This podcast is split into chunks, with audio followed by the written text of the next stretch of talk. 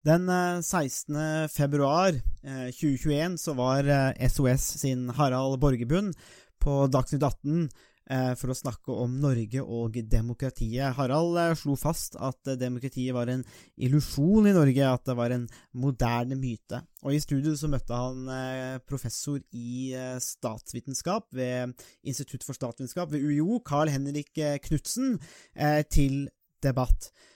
Vi tenkte at det ville være interessant å fortsette den debatten her i SOS, og derfor så har vi invitert Carl Henrik Knutsen, og han er ukens gjest i Statsvitenskap og sånn, og vi dykker eh, djupere ned i materien og snakker om demokrati, hva er det som gjør at demokratier er stabile, hvorfor noen mislykkes, og sist, men ikke minst, bør demokratiet spres.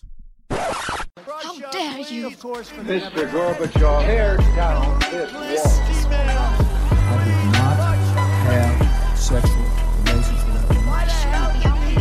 Read my lips. Hell yes, we're gonna take your AR-15. It's waking up. I have a dream. Thank you. I februar så var eh, den utsendte fra Statsvitenskap og sånt, Harald Borgebund, i eh, Dagsnytt eh, 18 Eh, med en aldri så liten eh, brannfakkel eh, inn i demokratiets høyborg, Norge.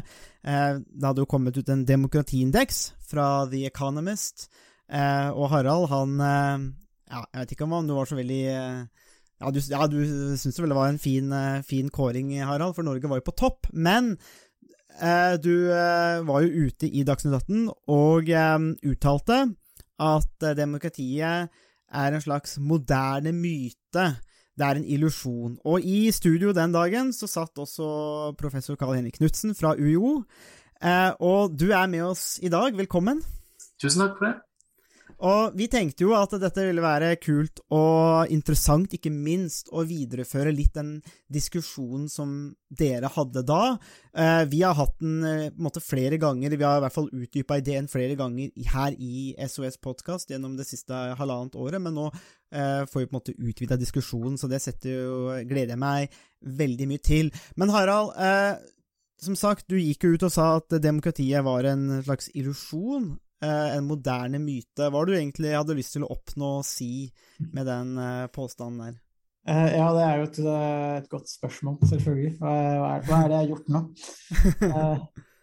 Nei, altså um, jeg, jeg, tenker det er i hvert fall to ting som, som er viktige. Altså, på den ene siden så, så, er det jo ikke noe tvil om at demokratiet er en realitet i den forstand at man, man, har, jo, man har jo valg, partier og på en måte en infrastruktur og politiske institusjoner osv.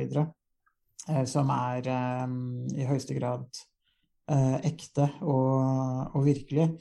Men det, det, som, det som, eh, som, jeg kanskje forsøkte å, å, sette fokus på, var kanskje mer det at den forståelsen som mange har av demokrati, som at det er en slags sånn folkevilje som skal realiseres, og at det finnes en sånn eh, mer eller mindre skjult eller, eller mindre skjult eh, folkevilje eh, der ute i, eh, i, nasjonen Norge eller andre demokratiske samfunn, som politikerne da skal, skal realisere på en, eh, på en, ganske sånn eh, direkte måte gjennom valg og gjennom partiprogrammet, den politikken de fører. Var egentlig den, den det, det jeg på en måte omtaler mer som en, en illusjon, fordi demokratiet er mer eh, komplekst. Eh, og eh, det, er ikke, det, er ikke, så enkelt at man bare kan identifisere en folkevilje. Eh, og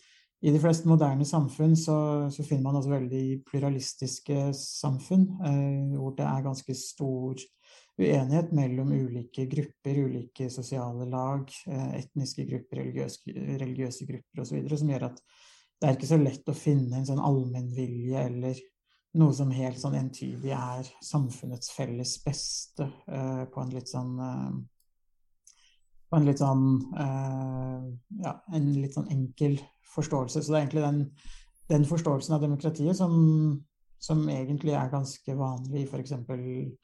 Uh, lærebøker i grunnskolen, videregående og en del sammenhenger, og som en måte ofte blir presentert som det demokratiet er. Da. Demokratiet er litt mer eh, komplekst eh, og litt, eh, litt mer enn eh, enn bare en slags folkevilje. Eh, og da må det jo gjerne eh, spissformuleres hvis hvis man skal rope ut noe. Og da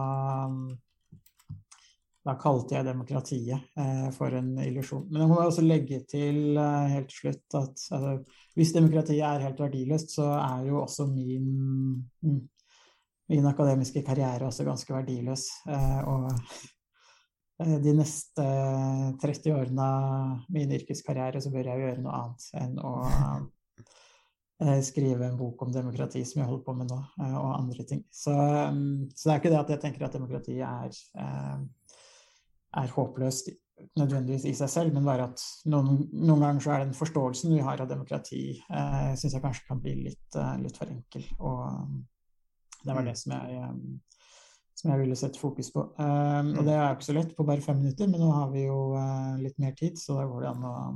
Nå har vi så lang tid du trenger til å forsvare deg. Uh, men, men Carl Henrik, hva tenker du om, om nettopp dette med det som kanskje er, ja, er kjernen i Haralds argument der, altså er det kanskje en opplevd naivitet her, eller idealisme knyttet til demokrati? Hva, hva, hva, tenker du rundt nettopp dette argumentet her? Kan jo først si at Den, den brannfakkelen fungerte jo veldig bra. fordi Dagsnytt 18 eh, meldte jo med en gang og sa hva tenker du om dette her? Og, og Da jeg så, sånne påstander om demokrati som illusjon, tenkte jeg at det her er jo helt fullstendig uenig. om må jeg på Dagsnytt 18 og, og forsvare demokratiet som, som det beste, beste, systemet i praksis, eh, sammenlignet med, med, med andre, andre, politiske systemer.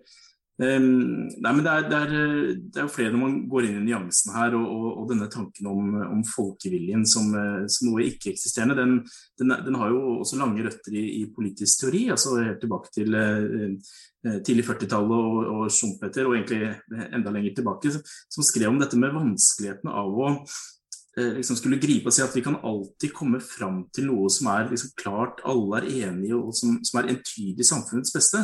Og Jo mer kompleks politikken blir, og jo flere grupper vi har, og jo flere politikkdimensjoner vi, vi på en måte diskuterer og, og, og, krangler rundt, jo vanskeligere blir det å finne en entydig folkevilje. Så, så det poenget det er, det er, et ganske, det er et ganske godt, godt poeng eh, og, og, viktig å, å fremheve. Eh, så, er jo, så, er det jo, klart sånn at det er det er allikevel noe ved demokrati som gjør at du trekker politikken mot preferansene til brede grupper allikevel. Så, eh, så, kanskje om en, om en illusjon er, er, å ta litt hardt i, så er det, sant, det er et sånn litt glorifisert eh, bilde av, av, demokratiet. Men det er likevel noe som eh, i bestemte skal man tenke deg et system hvor en liten elite sitter på, på, makten og kontrollerer makten, så er det mer sannsynlig at du får en, en skattepolitikk for eksempel, som tjener den eliten, enn hvis du har et system der hvor, hvor veldig mange av innbyggerne er med på og, og, stemme på partier som igjen skal sette skatteraten. Men det er veldig mye mer rotete. Det, det er ingen automatikk, det er mye mer komplekst. Det er mange lag, som, som Harald er inne på, som gjør at det er ikke alltid entydig, eh, denne mappingen da, fra preferansene i befolkningen til, til, den politikken som faktisk kommer ut. Men, men den er i hvert fall eh, noe tydeligere i demokratier enn i en del andre systemer, hvor, hvor det da gir makten til, til bestemte grupper som heller gjerne som følger sin egen interesse. Og den kan være veldig veldig langt fra det store befolkningsgrupper ønsker. Mm. Um, så, så, det er vel kanskje det første, uh, første, poenget der. Så er det litt det, det med kompromiss er jo ofte noe som, eh, som blir resultatet uh, i, av demokratisk politikk. Og det, det er jo ofte et, et, resultat som egentlig kanskje ingen har som første, sitt førstevalg. Uh, og Eh, som gjør også gjør at man, man vanner jo ut litt noen av de, de beslutningene, men samtidig så, så, er det jo også det som er, er på en måte det mm, Noe av det som, har, som, som, gjør at demokrati har veldig stor appell også, det at man kan faktisk samarbeide til en viss grad med folk man er ganske uenig eh, med i utgangspunktet, og at ulike grupper kan komme sammen og ta beslutninger eh, på relativt fredelig eh, fredelig måte. Og ofte så blir jo kompromisset eh, sett på som noe som er litt skittent, og noe som eh, egentlig ikke Som er et mer sånn et trist eh, biprodukt av eh, politisk og demokratisk, eh, demokratiske forhandlinger. Men samtidig så er det også noe av, av kjernen i, i, demokratiet også. og det, det at man kan eh, ha en slags sånn gjensidig interesse mellom ulike grupper, at man klarer å, å finne noe felles, felles grunn, er jo nettopp noe av det som gjør demokratiet både spennende å, å studere, men også til en styreform som, som er ganske pragmatisk, og som eh, på en del områder, og som også eh, fungerer ganske godt eh, der det, der det fungerer godt også, for å si det sånn. Mm, men, men, ja, kjør på. Kjør på. Et, et poeng knytta til det med kompromisser. Spesielt det at vi, vi, har så mange politikkområder. Så du har alt fra, fra landbrukspolitikk til, til, åpningstider for salg av øl i butikkene til, til skattepolitikk det, det, åpner også opp for ikke bare kompromisser på enkeltsaker, og at man eh, måtte nærme seg en slags løsning som flere grupper ingen syns er helt perfekt, men, men, som alle kan leve med. Men det at det er så mange saker også gjør, gjør veldig ofte at du får løsninger hvor du gir og tar litt på, på, ulike, på ulike, områder. Spesielt hvis du har en, en en koalisjonsregjering, så er dette veldig, veldig tydelig. At, eh, at, kanskje Senterpartiet bryr seg mye mer om, om landbrukspolitikken, KrF om, eh, om, disse åpningstidene for, for ølsalg osv. Og, og så får man eh, politikk som eh, ligger ganske nært eh, interessene til, til, enkeltgrupper på, eh, på, et felt, men det er da gjerne de interessene som disse gruppene bryr seg veldig, veldig mye om. Så det, og så gir de da opp noe kanskje på økonomisk politikk isteden. Så du kan få politikk som ligger ganske langt fra det Eh, det du ville fått eh, som utfall hvis du hadde hatt en ren folkeavstemning. Men, men allikevel så er det noe med det å, eh, å, vekte sånn at de gruppene som har sterkest preferanser på et område Nå er jeg verken enig med alkoholpolitikken til KrF eller landbrukspolitikken til Senterpartiet, så eh, bare så det er sagt, men, men, men sånn generelt det å, eh, det å vekte det, det å eh, liksom, la disse forhandlingene la de ulike partiene, de ulike interesseorganisasjonene da få lov til å styre der hvor de selv er, er, eh, syns, syns det er viktigst. Det er jo også kanskje et, et samfunn som, eller det er en løsning som, eh, som, har sine klare fordeler. For det er veldig veldig kjedelig å tape hele tiden på de sakene du bryr deg mest om, og vinne på de mm. sakene du bryr deg lite om. Eh, mm. Det er også noe av det som, eh, som, kanskje gjør at mange partier eller mange grupper også opplever at de, de får mer igjen ved å, være, ved å støtte et demokratisk system enn å å tenke at eh, alternativer eller andre alternativer er bedre enn eh, en demokrati. Ved at man, man, faktisk oppnår noe, eh, selv om man ikke oppnår eh, så mye som man ønsker, og kanskje ofte blir litt skuffa, så får man i hvert fall noe, noe igjen som gjør at eh, de aller fleste kanskje opplever eh, i hvert fall at de, de, får igjen mer enn det de Eller at fordelene er større enn en kostnadene eller ulempene med å, um, være en del av et demokratisk system. Mm. Men, eh, og det er, jo, det er jo klart at eh, altså, eh, utenom eh, spissformuleringene, så er, det jo, så er det ingen tvil om her om at eh, dette demokratiske systemet Det er jo ikke sånn at man er antidemokratiske her. Eh, men det er likevel en interessant, tenker jeg, som jeg har lyst til å følge opp.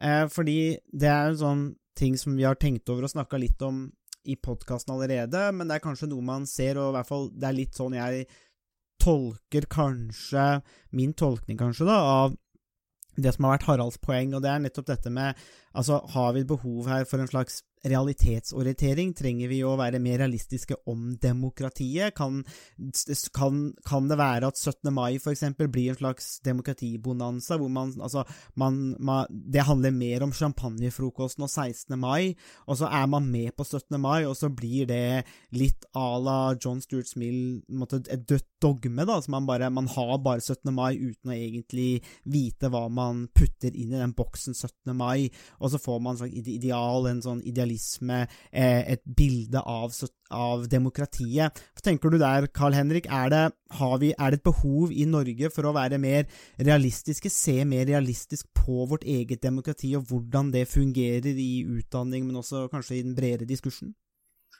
Ja, for det, det, er jo et fryktelig komplekst begrep, demokratibegrepet, og det brukes på, på ulike måter. Og, og man har gjort, eh, gjort ganske mange eh, survey-undersøkelser av folk fra hele verden, hvor de blir bedt om å si hva, hvilke egenskaper de mener er helt essensielt ved demokrati. Og Der, eh, der viser det seg at de, de, aller fleste treffer jo ganske godt på en del kjerne, kjerneaspekter ved nesten enhver demokratidefinisjon, sånn som valg om konkurranse og sivile rettigheter. og og, den type ting. Men det er veldig mange som, som forbinder demokrati med alt, alt mulig godt. Um, mm. så, så, at den lever, uh, lever godt en slags um, Så det sier noe, noe, både om at begrepet er ganske komplekst, men også at, at det har blitt et hedersord. At man tenderer å tillegge demokratiet en del, en del egenskaper som kanskje ikke er en del av, av det i hvert fall statsvitere tenker på som demokrati. Det blir et sånn eh, sekkebegrep for alt som er, er bra. Og det, det, tenker jeg er veldig uheldig. For det første, eh, Hvis du er statsviter, så er det jo helt håpløst å operere med den type begreper. For da kan du ikke studere f.eks. sammenhengen mellom demokrati og økonomisk utvikling, hvis du, hvis du, regner inn økonomisk utvikling som en del av, av demokratiet. Eh, så, det er noe en ting at vi, at vi, får et sånt Vi klarer ikke helt å, å, å skaffe oss et perspektiv og analysere verden. Eh, men en annen ting er, eh, og dette ser man i en del land som har gått gjennom demokratiske transisjoner, og så ser man eh, på undersøkelser med hvor fornøyd man er med demokrati, hva man syns om demokrati som prinsipp, at hvis man har urealistiske forventninger til hva et demokrati innebærer, og så får man høre at nå har vi demokratisert, så kan det være at demokrati, til tross for at det gir bedre utfall enn det systemet man tidligere hadde, så er man skikkelig skuffa fordi man hadde forventa seg noe veldig mye mer. Så det, det er jo ett et aspekt. altså Hvis man har veldig høye forventninger til hva et demokrati skal bringe med seg, andre, andre så urealistiske forventninger, så, så, kan det slå tilbake på systemet sin legitimitet. Um, ellers så er det uh, Jeg tror gitt at vi har hatt det systemet på plass i Norge i dag så lenge som det vi har hatt, bare for å ta dette med 17. mai-feiringen og, og, forståelsen vår av demokratiet, jeg tror eh, både verdsettingen av demokrati og en forståelse for hva demokrati er, blir veldig mye klarere hvis du har en, har en kontrast som er ganske skarp og, og, og tydelig. Um, og Hvis man ikke er godt informert om hva som skjer internasjonalt, eller systemet i andre, andre, land, så er det ganske vanskelig å se for seg hva, eh, hvordan et diktatur fungerer, eh, hvordan livet er under et, eh, under et diktatur. Ehm, og det, det, gjør det, også, det, gjør det, også, da vanskeligere å se hva som er særegent og, spesielt ved demokratiet, og hvordan det fungerer.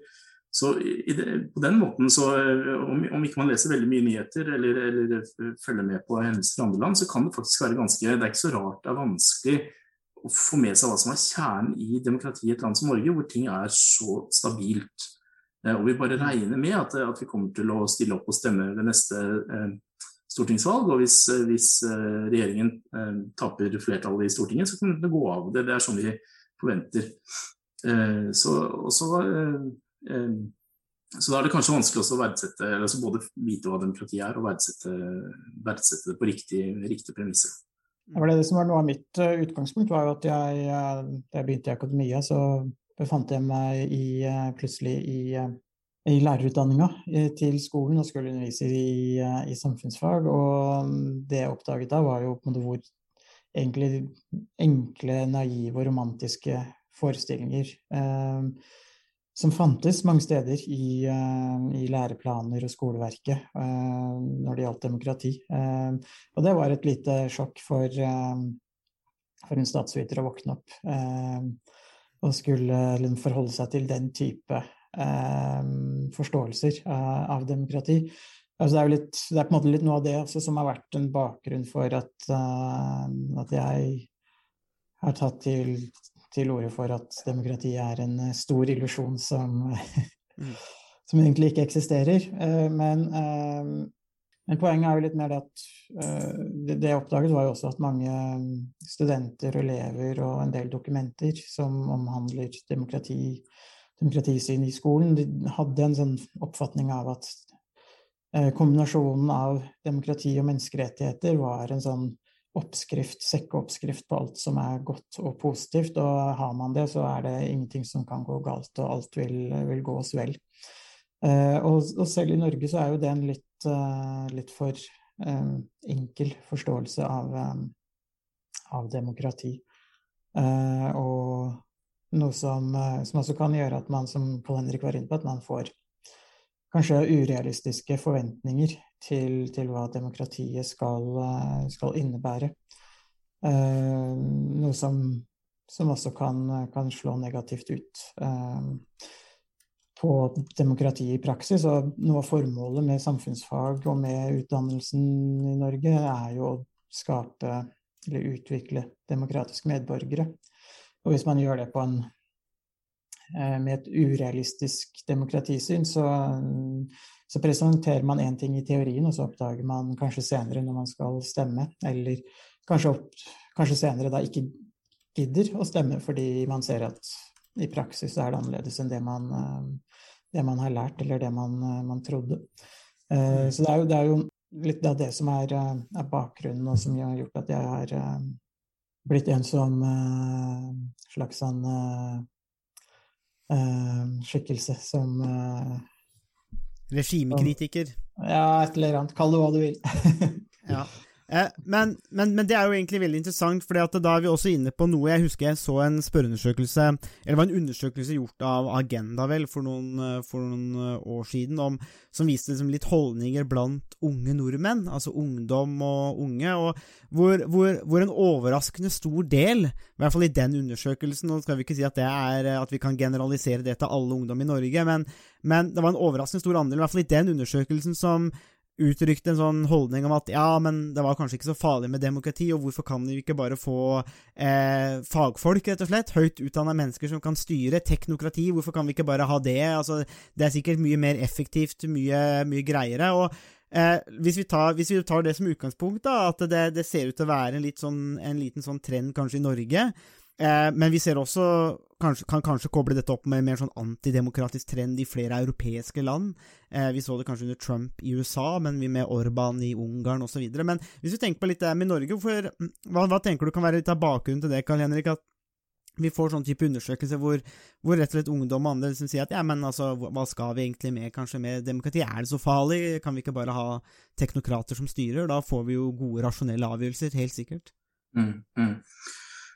Jeg, har, eh, jeg vet at de, eh, eh, Det har vært, vært, studier som har pekt på, på, litt urovekkende trender, spesielt fra Storbritannia og USA, på, på, en del av disse spørsmålene som går på demokratisk legitimitet og hvordan du foretrekker det versus andre, andre styreformer.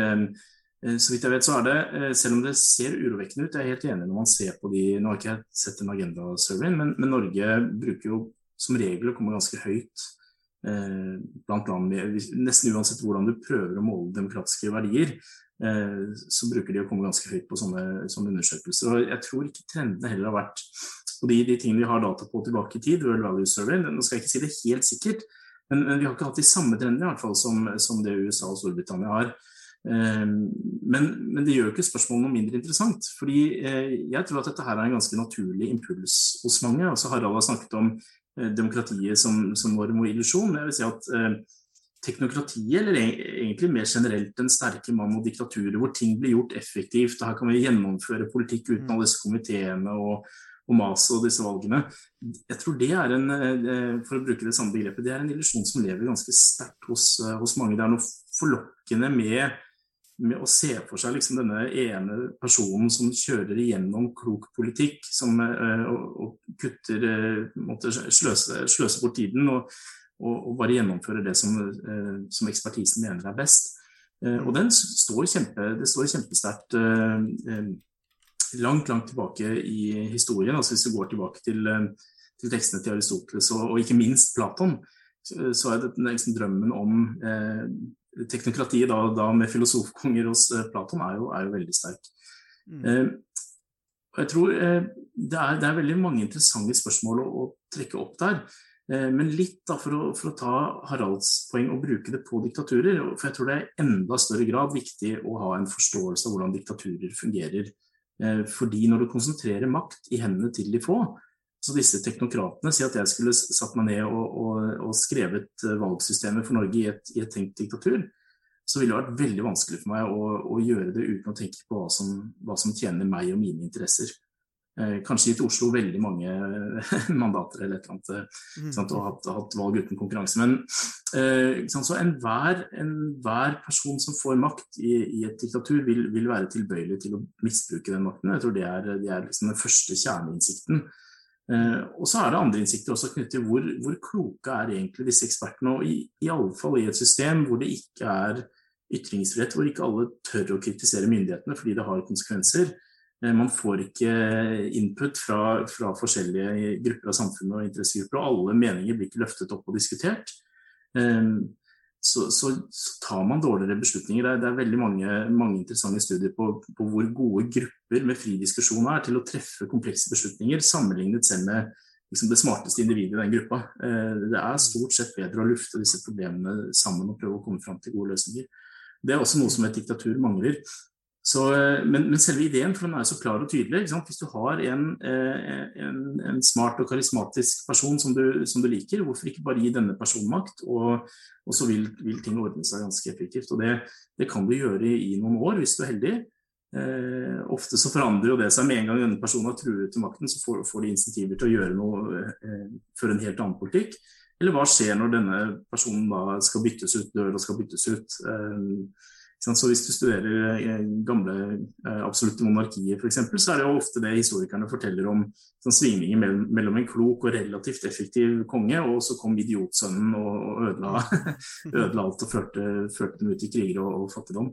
Eh, og Den innsikten der er viktig. Diktaturet varierer voldsomt eh, i prestasjoner, nesten uansett hva slags utfall du ser på, så er det veldig stor varians eh, mellom diktaturer. F.eks. økonomisk vekst eller utdanningskvalitet eller hva det måtte være.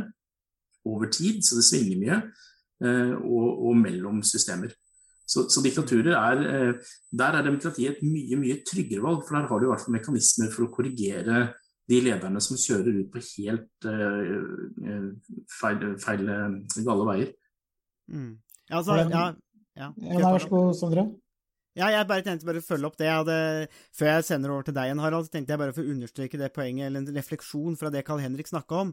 Eh, nettopp dette med jeg, for, noen, for, tre år siden så var jeg i Beograd, eh, og så var vi innom mausoleet til palasset til Tito. Eh, og det er en slags kultdyrkelse, nærmest.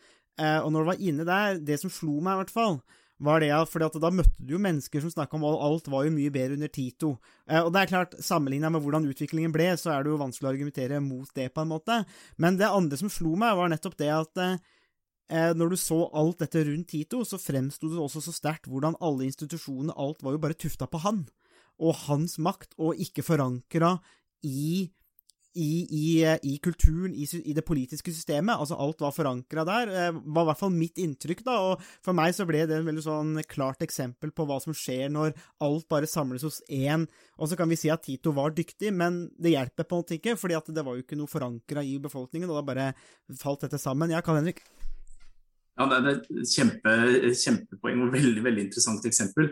Og, og, Det som da er klassisk for, for, den type diktaturer som vi ofte kaller for personalistiske, hvor veldig mye makt konsentreres rundt personen heller enn institusjoner, det er at når, når den personen først fjernes, enten dør eller, eller ved makt, så faller ting ofte sammen. Mm. Så det at du får en borgerkrig eh, i, i Jugoslavia, det er, det er, ikke sikkert i det tidligere Jugoslavia, det er ikke sikkert at det er uavhengig av måten, måten Tito styrte på, på samme måte som Gaddafi styrer i Libya også måtte legge til rette for hva, hva var på plass for å ta over etter Gaddafi da han, han ble fjernet. at så Man kan peke på internasjonal intervensjon, selvfølgelig, og mangel på plan i, i, etterkant.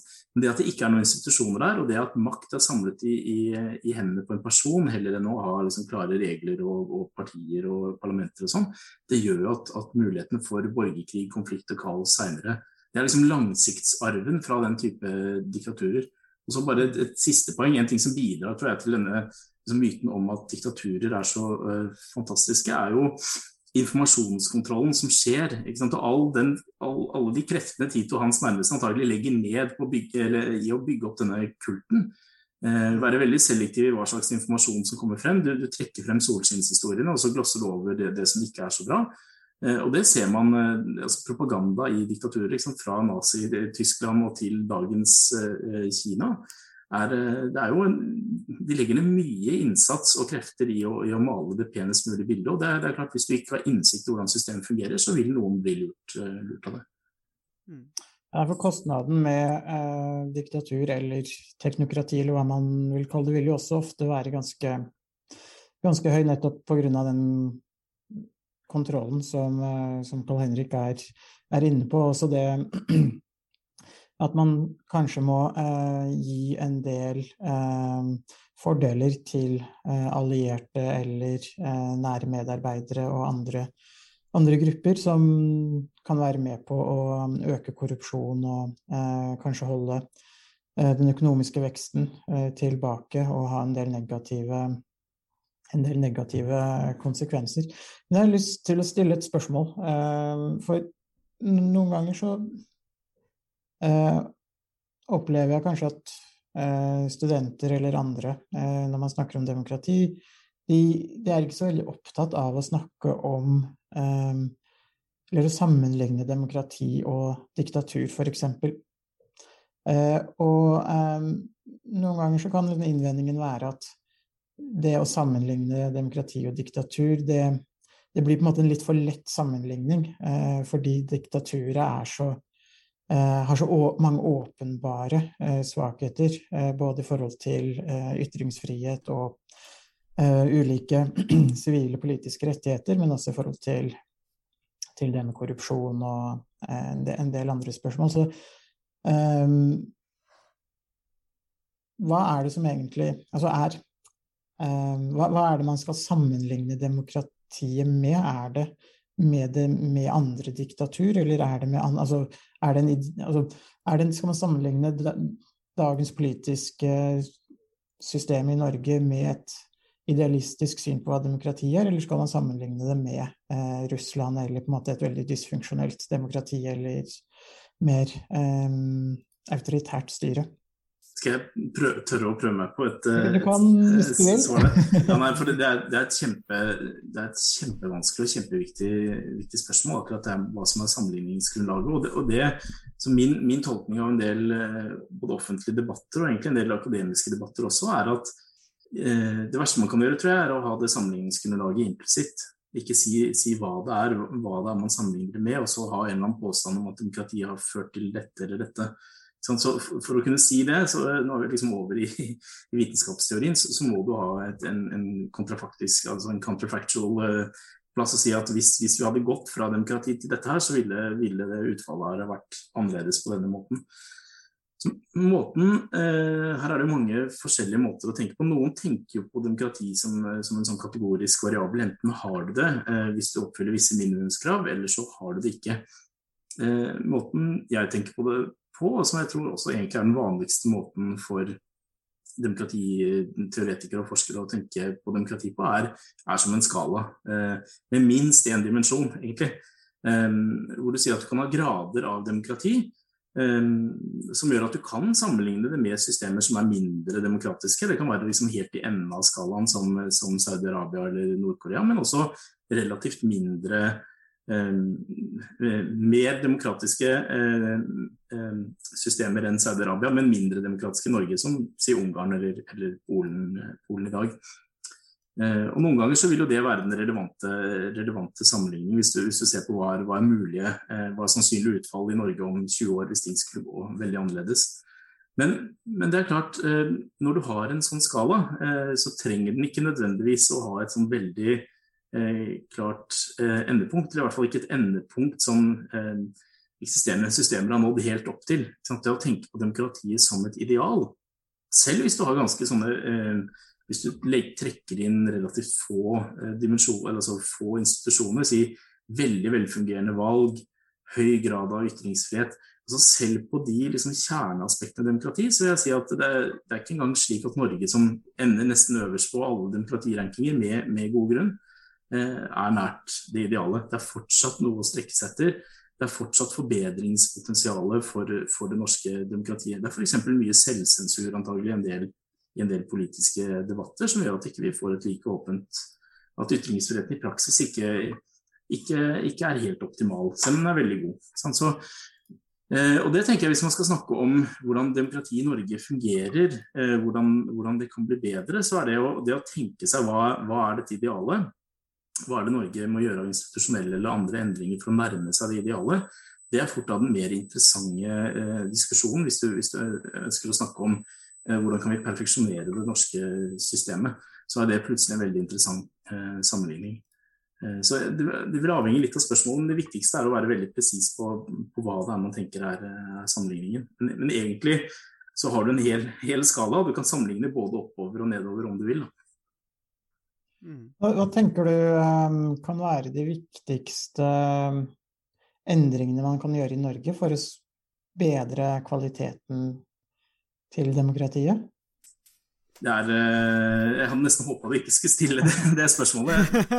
Eh, sammen med Sirianne ja, det, er bedre å stille det enn å få, enn å få ja. spørsmålet tilbake. Så angrep er det beste forsvar. ja, eh, sammen med, med Sirianne Dalen på, på UiO, på, på Institutt for statsvitenskap, der, så har vi eh, påbegynt en sånn eh, tilstandsanalyse av det norske demokratiet.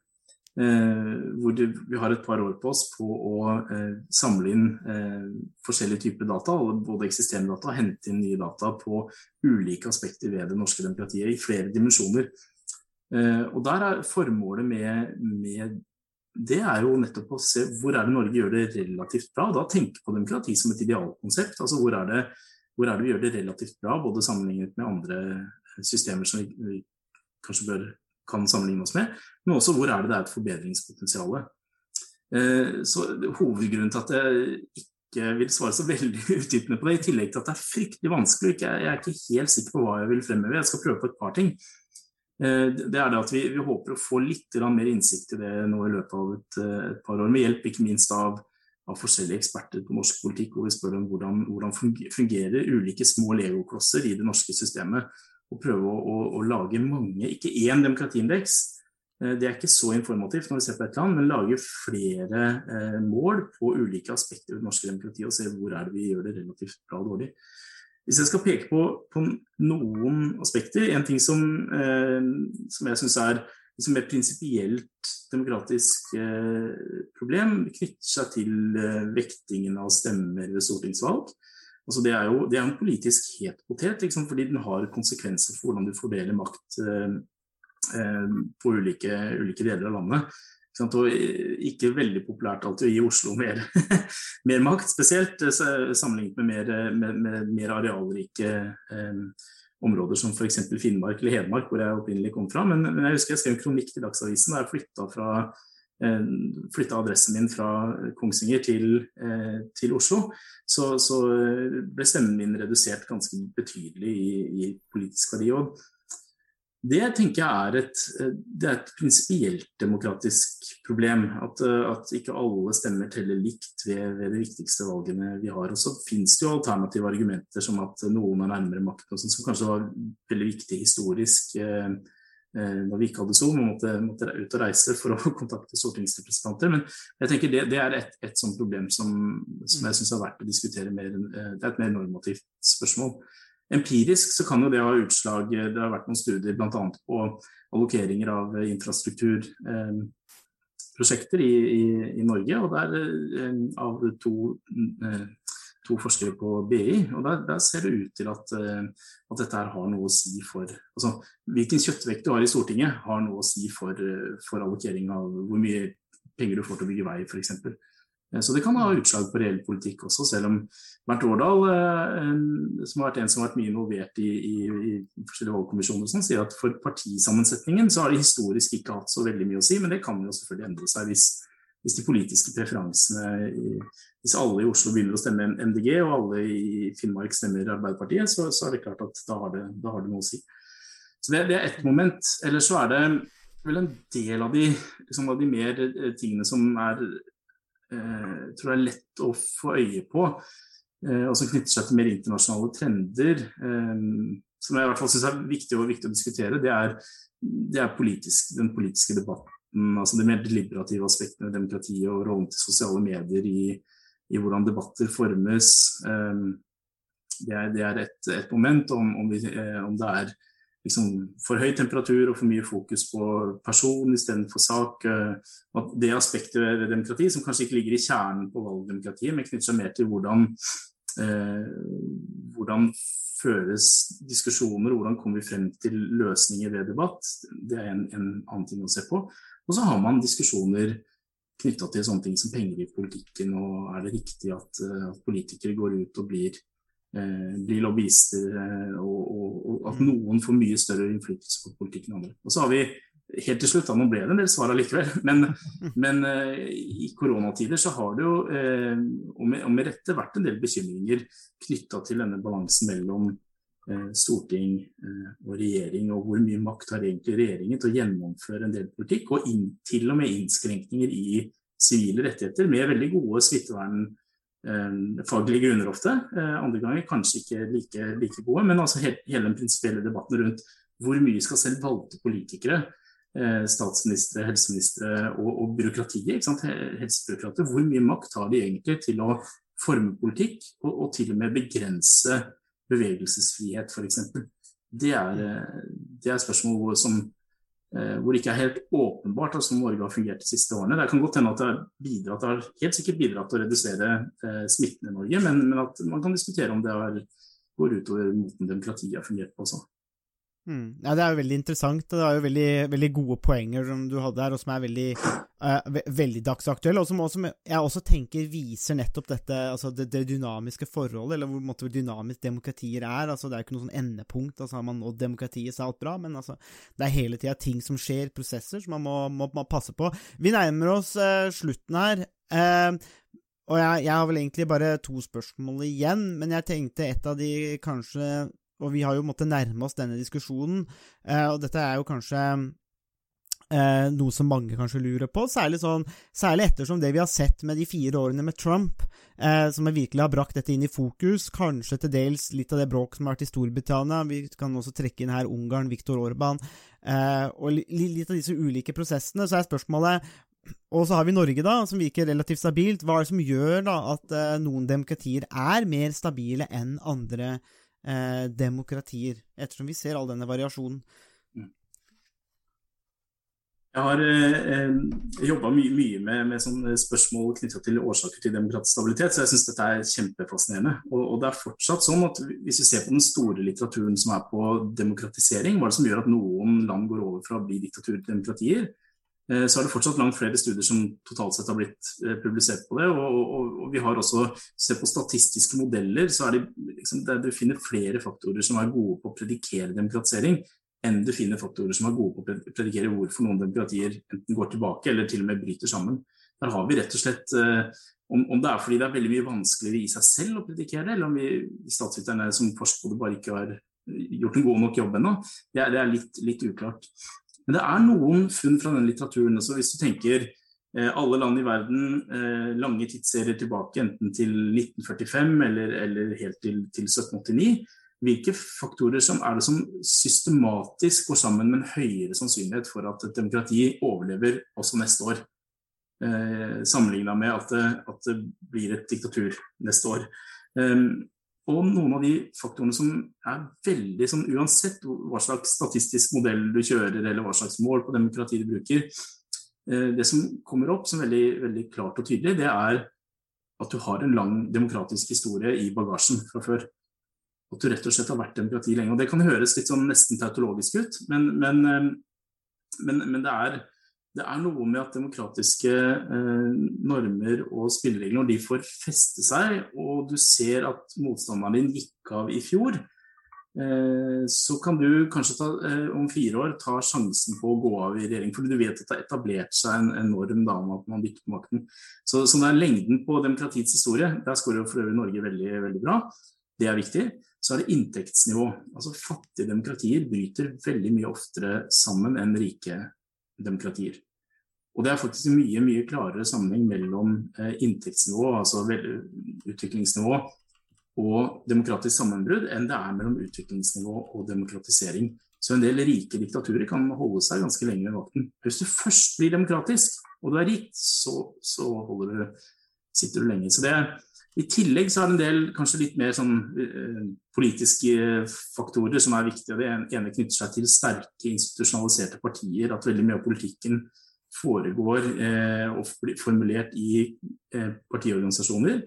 Heller enn at du har systemer der hvor du kanskje velger inn en president som var en tidligere TV-stjerne, og all politikken blir så dette er en valgt president, men, men ikke med noe klare parti i ryggen. Partiet opprettes bare som en sånn eh, si, staffasje for, for en person. Så sterke partiorganisasjoner, aktivt sivilsamfunn som kan gå til gaten og protestere hvis noen truer demokratiet. Eh, og så er det diskusjoner også rundt om parlamentarisme eh, er eh, bedre for demokratisk overlevelse enn presidentstyret. Det er litt mer uklart fra, fra, den statistiske litteraturen, men det er en del studier i hvert fall, som finner at presidentsystemer er mer sårbare. I hvert fall hvis du har et sterkt parlament, eh, altså, eh, i Norge Stortinget, som har, har mye, mye, makt og har mulighet til å begrense, eh, begrense den øverste lederen, så er det viktig for at demokratiet fortsetter å fungere. Og en, en, mulig, en, en, viktig grunn til det er at veldig mange demokratier dør rett og slett fordi det er den valgte lederen selv som bare konsentrerer makten i egne hender og prøver å gjøre som Trump eller, eller som Orban og, og, endre på systemet, sånn at de kan bli sittende lenger eh, ved makten. Ta vekk de demokratiske spillereglene, gjerne litt etter litt. Eh, så mm. sterke, sterke parlament er også, også viktig. Eh, du nevnte det der, jeg vil bare følge opp dette med altså fattigdom. Mm. Eh, hva, hva sier, litteraturen, sier litteraturen eller forskningen noe om dette med økonomisk ulikhet? Altså forskjeller i et demokrati? Fordi det er noe man ofte ser på som en liten sånn i hvert fall stipulerer som en trussel. Da. Altså hvis, hvis, hvis, hvis, inntektsforskjellene blir for store, folk begynner å leve i, i, det man kanskje kan kalle forskjellige virkeligheter, så kan det bidra til at systemet bryter ned. Er det noe, Hva sier forskningen om, om det elementet? Jeg tror Hvis du, hvis du gjennomfører en, en, spørreundersøkelse av statsvitere som, eh, som, som, jobber med demokratispørsmål, så vil de og spør dem hva, hvis du skulle gjette, har det noe å si, så vil de fleste si at ja, jeg tror det har noe å si. Det er veldig mange eh, sterke teorier på, på akkurat hvorfor dette skulle ha en betydning. Ikke minst fra elitenes side. altså Hvis, hvis ulikheten blir for sterk, så har, du, eh, så har du insentiver til å Ehm, ja, rett og slett, det, er, det er mye verre å la eh, flertallet bestemme eh, skatte- og, eh, og, omfordelingspolitikken hvis det er stor ulikhet, for da taper veldig, veldig mye når det omfordeles, enn hvis det er ganske jevnt. da taper mindre. Men når vi ser på data, så er, så faktisk denne sammenhengen mellom demokrati og omfordeling eller inntektsulikhet er en av de minst klare statistisk. Så det er en hel hel liten industri akkurat dette med å forklare hvorfor, hvorfor er det sånn at demokratier ikke omfordeler mer enn det, eh, eller så mye som vi skulle forvente at de gjør. Og Der er forklaringene variert fra at eliten er ganske flinke til å, til å påvirke hvordan demokratiet fungerer og, og, og, sette, være med på å sette politikken, selv om de er i mindretall. Og så er det en del diktaturer som faktisk har ganske mye omfordeling også. Så, så selv om jeg ville jeg, jeg vil tro at um, Altså Hvis jeg ble tvunget til å gjette, og det fantes etter et svar, så ville jeg si at jo, jeg tror det har en, uh, har en sammenheng. Men det kan umulig være så sterk som en del uh, gode argumenter tilsier. Uh, for ellers ville vi sett en veldig mye mer klar tendens i data. Så det er en del demokratier med høy ulikhet som overlever, men da er det gjerne elitene som, som styrer showet. Mm. Ja, det er, det er, veldig interessant poeng der. Jeg håper det kommer mer forskning ut om det òg. Det er liksom, i hvert fall noe som jeg syns er veldig spennende. Uh, I disse EM-tider så vi jo, har vi jo nå beveget oss inn i ekstraomgangen på, uh, på, på, episoden. Men det, men det, er greit. Dommeren lar det gå videre. Det har vært litt stopp i spillet, og vi må fortsette. og jeg tenker Det siste spørsmålet, som går til begge dere to, jeg tenker kan jo starte med Harald, kanskje. og det er jo et Kanskje litt mer brannfakkelspørsmål enn kanskje. Eh, bør, vi, bør, bør vi, sier jeg, men bør demokratiet spres som styreform, og eventuelt eh, hvordan? Uh, ja, um, det er jo et, uh, et veldig um, aktuelt spørsmål. Um, mange, eller kanskje ikke nødvendigvis mange, men i hvert fall USA har jo forsøkt å spre demokratiet. Med ganske kanskje vekslende hell. Jeg tenker vel egentlig at uh, jeg, jeg, tror kanskje man kan skille litt mellom det å misjonere, eller på en måte være veldig evangelisk på vegne av demokrati, og liksom si at alle verdens land nødvendigvis skal bli demokratiske, er kanskje vil kanskje være litt vanskelig for de som Carl Henrik har vært inne på uh, under flere, av, eh, flere ganger, så, så, er det jo en del betingelser som er viktige for at et demokrati skal kunne være bærekraftig eller kunne overleve. Uh, og det å forsøke å, å plante demokrati eh, i samfunn hvor kanskje som har et svakt sivilsamfunn, eh, ulike hierarkier eh, som eh, kan gjøre det mer krevende sammen med den økonomiske utviklingen osv., så, videre, så så vil, kanskje, vil det kanskje være veldig Vil det kanskje også noen ganger kunne ha negative konsekvenser ved at man får økt politisk ustabilitet også. Men, men, når det er sagt, så tenker jeg jo at demokrati er jo verdifullt. Eh, ikke nødvendigvis i seg selv, men i hvert fall at det har en del, eh, en del fordeler.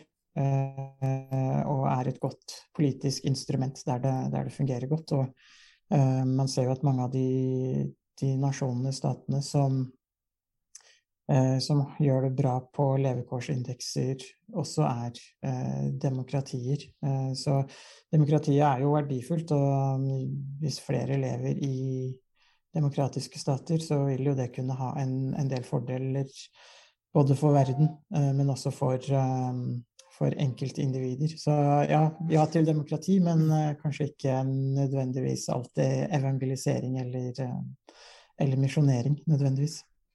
Karl Henrik? Å svare enda klarere ja. Ja, eh, ja jeg syns man bør, bør, spre demokrati. Eh, man bør selvfølgelig tenke gjennom virkemidlene. Altså, en ting er å spre det med, med invasjon, en annen ting er, eh, er å, å, søke å støtte opp om opposisjonsaktører og bygge institusjoner. Dette er jo selvfølgelig veldig vanskelig, og som, som Harald påpeker, så er det jo, er det sånn at demokratiet er, det er vanskeligere å få det til å overleve noen steder enn andre. Men det betyr ikke at at det er fånyttes å etablere demokratier i, i, fattige land, og spesielt ettersom de får etablert seg, og hvis man får bygget institusjoner, så er det veldig mange eksempler på demokratier som har lang levetid. Så, så jeg tenker det, det, som på en måte er det tryggeste eh, Så jeg er nok eh, eh litt, litt, mer evangelist der, og, og ville gjerne likt å se kanskje enda litt sterkere politikktiltak, og at man fokuserte mer på det i forbindelse med bistand. og og, handelsavtaler og den type ting.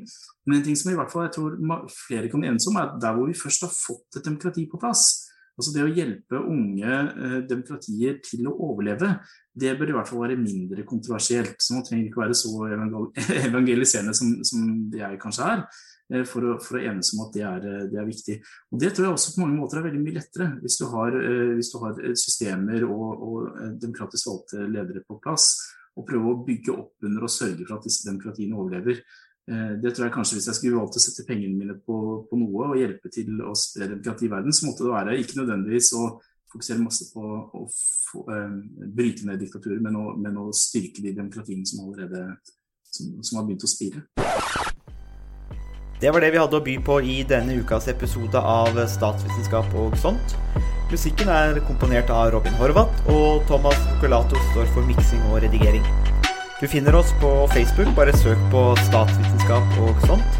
Der kan dere komme i kontakt med oss hvis dere har spørsmål eller kommentarer. Der finner du også aktuelle artikler, videoer med mer. Vi setter pris på om dere liker sida, og deler den med andre som dere tenker vil ha glede av å høre på podkasten. Vi høres. And change is coming whether you like it or not.